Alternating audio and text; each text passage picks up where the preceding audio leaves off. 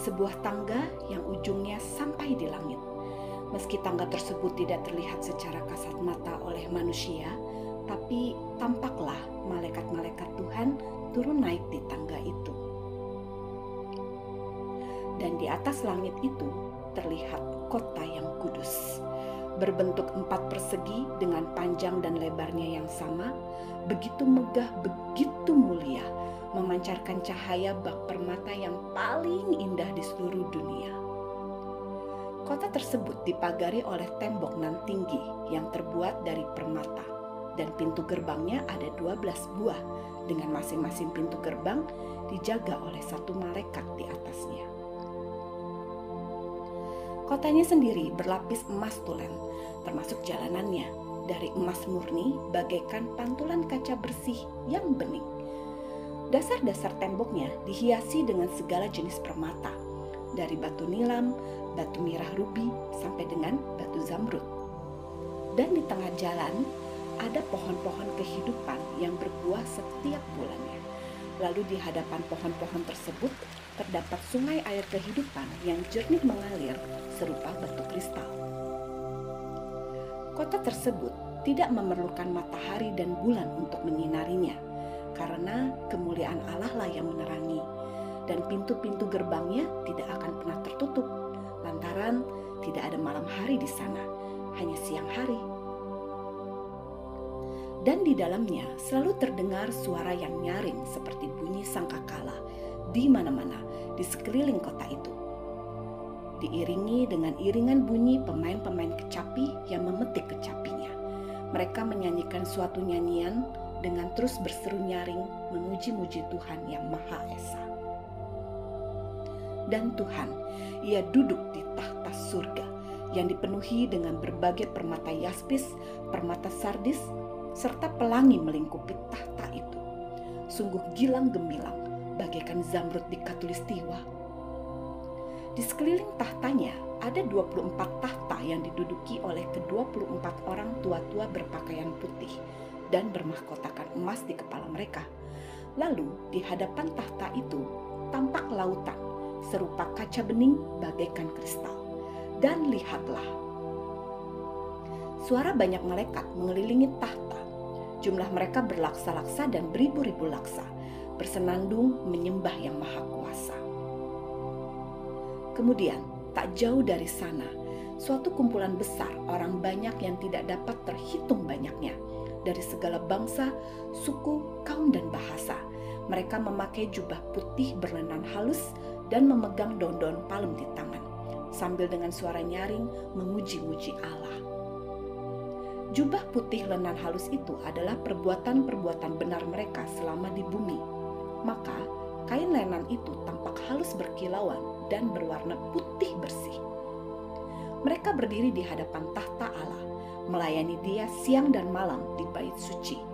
Mereka tidak akan menderita lapar dan dahaga. Begitu juga matahari atas panas terik tidak akan menimpa mereka. Karena Allah telah menghapus segala air mata dari mata mereka. Suara nyanyian mereka bagaikan desau air bah dan deru guruh yang dahsyat, diiringi bunyi pemain-pemain kecapi yang memetik kecapinya mereka menyanyikan suatu nyanyian baru di hadapan tahta. Dan kemah Allah berada di tengah-tengah, diam bersama-sama dengan umatnya. Dialah yang menghapuskan segala air mata. Tidak ada lagi maut ataupun perkabungan, ratap tangis maupun duka cita, sebab segala sesuatu yang lama itu telah berlalu. Di sepanjang jalan kota itu terlihat rumah-rumah nan indah yang terbuat dari emas dan berlian. Sungguh bling-bling menyilaukan mata. Rumahnya pun tidak bisa dibilang gemerlap saja, tapi juga mewah dan permai. Ada yang bertingkat satu, bertingkat dua, atau bertingkat-tingkat. Lalu di sepanjang jalannya terlihat orang-orang berjalan. Ada yang berkelompok, ada juga yang seorang diri namun semua wajah mereka hanya dapat digambarkan oleh satu kata, bahagia. Di sekitar mereka selalu terdengar tawa, serta lagu-lagu dikumandangkan. Seperti kelompok paduan suara sedang bernyanyi, Tapi nyanyiannya tidak pernah berhenti dengan suara mereka yang merdu sekali. Mereka menyanyikan lagu-lagu yang sudah tak asing di telinga, bahkan lagu-lagu baru dengan iringan musik dan kecapi. Sungguh elok terdengar, membuat tentram dan damai sejahtera.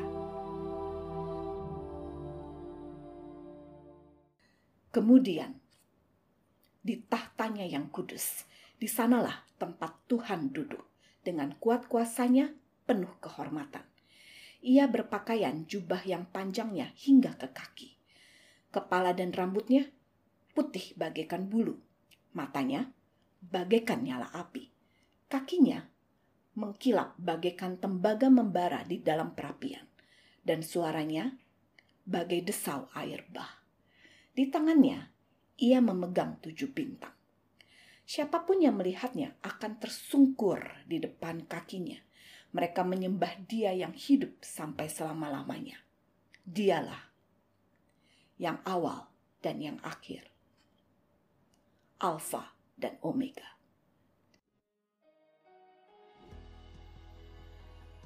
Maka di dalam kemahnya terdengar suara dari tahta yang maha tinggi.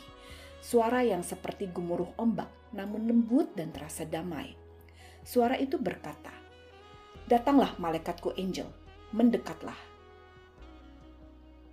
Angel mendekat kepada Tuhan dengan membungkuk lalu mendongak kepada Yang Maha Kuasa.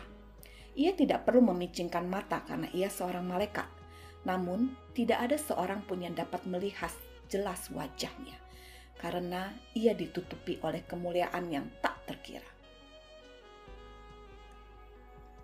Malaikatku Angel, kuutus engkau turun ke bumi dan melindungi salah satu anakku, Robert Yunaa yang kukasihi. Karena ia sedang membutuhkan bantuan dan aku tahu apa yang kulakukan. Pergilah Angel, dan kali ini aku akan membuat ia melihatmu, dapat menyentuhmu, bahkan wujudmu seperti manusia. Aku rasa sudah cukup ia melihat sesuatu yang tidak tampak. Aku mau ia melihat bahwa tanganku tidak pernah terlalu jauh atau terlalu panjang untuk menolongnya. Aku membentuknya sejak ia masih bakal anak, dan sejak itu aku semakin jatuh cinta kepadanya. Dia berharga bagiku, dia bernilai. Aku mau ia tahu bahwa aku tidak pernah meninggalkannya sedetik pun, saat ini dan selamanya. Dengan badan masih tersungkur menyembah, Angel mengambil tugasnya itu dari Dia yang Maha Kuasa. Kemudian ia turun dari surga ke bumi.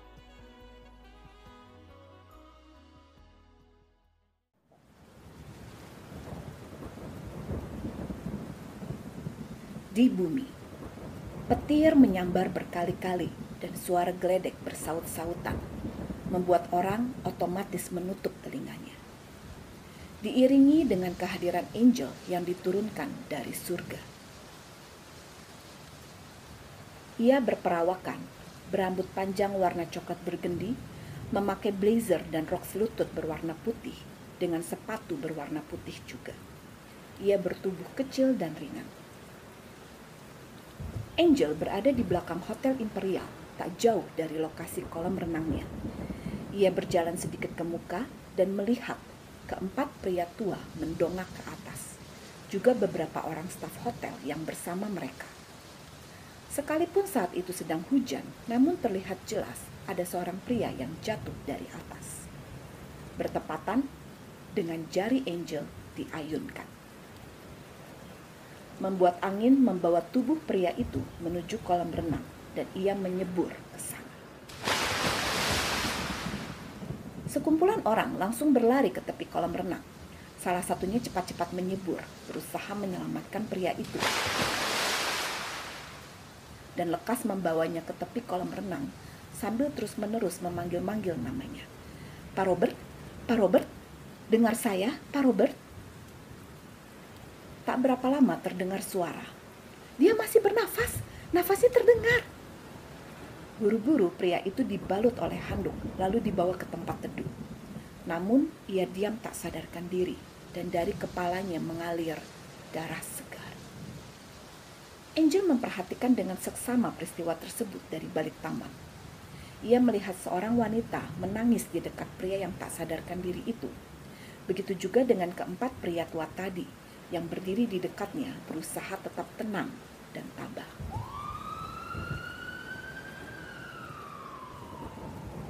Beberapa menit kemudian, datang dua orang petugas medis dari pintu yang tak jauh dengan tempat Angel berdiri. Dengan berlari, mereka menghampiri pria yang bernama Pak Robert itu, mengeluarkan alat-alat, melakukan tindakan, lalu memindahkannya ke atas ranjang dorong dan dengan berlari juga kedua petugas medis tersebut keluar dari pintu yang sama dari mereka masuk tadi. Yang lainnya mengikuti. Dan Angel melihat bahwa wanita yang menangis tersebut masuk ke dalam ambulans bersama dengan seorang bapak dari keempat bapak tua itu. Sementara yang lainnya langsung menghubungi seseorang. Dan tak berapa lama, beberapa mobil sudah beriringan memasuki pintu tersebut maka masuklah mereka masing-masing ke dalam mobil yang berbeda, lalu mengekor mobil ambulans. Sedangkan di hotel, Angel melihat para staf pada berkumpul di tempat teduh dan saling berbicara. Angel pun memutuskan untuk keluar dari balik taman tersebut menuju pintu yang tak jauh dari tempatnya berdiri tadi. Ia mendekati mobil bertuliskan taksi lalu masuk ke dalamnya dan berkata kepada sang supir,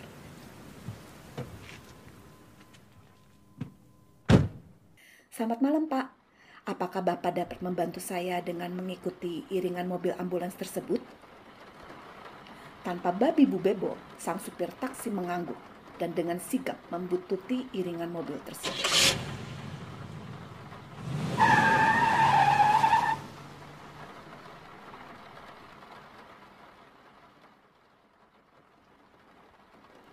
Sambil memperhatikan wanita berbaju putih yang duduk di belakangnya, sang supir taksi terkagum-kagum dengan paras penumpangnya yang cantik jelita. Dengan rambut panjangnya yang agak basah, tapi terutama dengan wajahnya yang seolah cemerlang bak lampu spotlight mengarah ke atas kepalanya. Membuat ia sempat salah tingkah. tapi wanita tersebut malah berkata sambil tersenyum, Pak, selamat ya atas kelahiran cucu pertamanya. Sang supir taksi mengangguk sembari berkata terima kasih beberapa kali. Ia pun menceritakan peristiwa yang agak happening buatnya itu, di mana baru saja terjadi sore tadi. Jam kerjanya akan segera berakhir, dan Angel adalah penumpang terakhirnya. Setelah itu, ia akan bergegas ke rumah sakit untuk menemani anaknya di sana.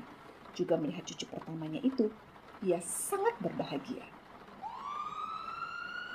Terlihat mobil ambulans berhenti di depan pintu UGD rumah sakit. Maka Angel pun juga meminta supir taksi untuk berhenti. Kemudian, ia menyerahkan uang 100 ribu rupiah yang ditolak oleh sang supir karena jumlah argonya hanya 27 ribu saja. Lagi pula, ia sedang tidak punya kembalian uang kecil. Tapi dengan tersenyum, Angel berkata, Tidak apa pak, tidak usah kembali. Saya bersyukur dan berterima kasih karena Bapak telah mengantarkan saya dengan selamat sampai tujuan. Hati-hati di jalan nanti ya Pak. Sekali lagi, selamat. Angel pun turun. Masih dengan mesem-mesem, sang supir taksi membelokkan kemudinya keluar dari rumah sakit sambil berpikir. Baik banget tuh cewek, udah gitu cantik lagi. Masih ada ya orang seperti itu ternyata. Namun tak berapa lama berserang, ia baru menyadari sesuatu. Tapi tunggu-tunggu. Dari mana dia tahu kalau cucu pertamaku lahir ya? Aneh. Apa jangan-jangan dia ia menghentikan kalimatnya. Akan tetapi buru-buru ia menggelengkan kepala. Enggak, enggak, enggak mungkin. Karena kehadirannya terasa damai. Pun suara dan cara bicaranya sungguh meneduhkan kok. Gak mungkin lah ia seorang yang aneh-aneh atau roh halus.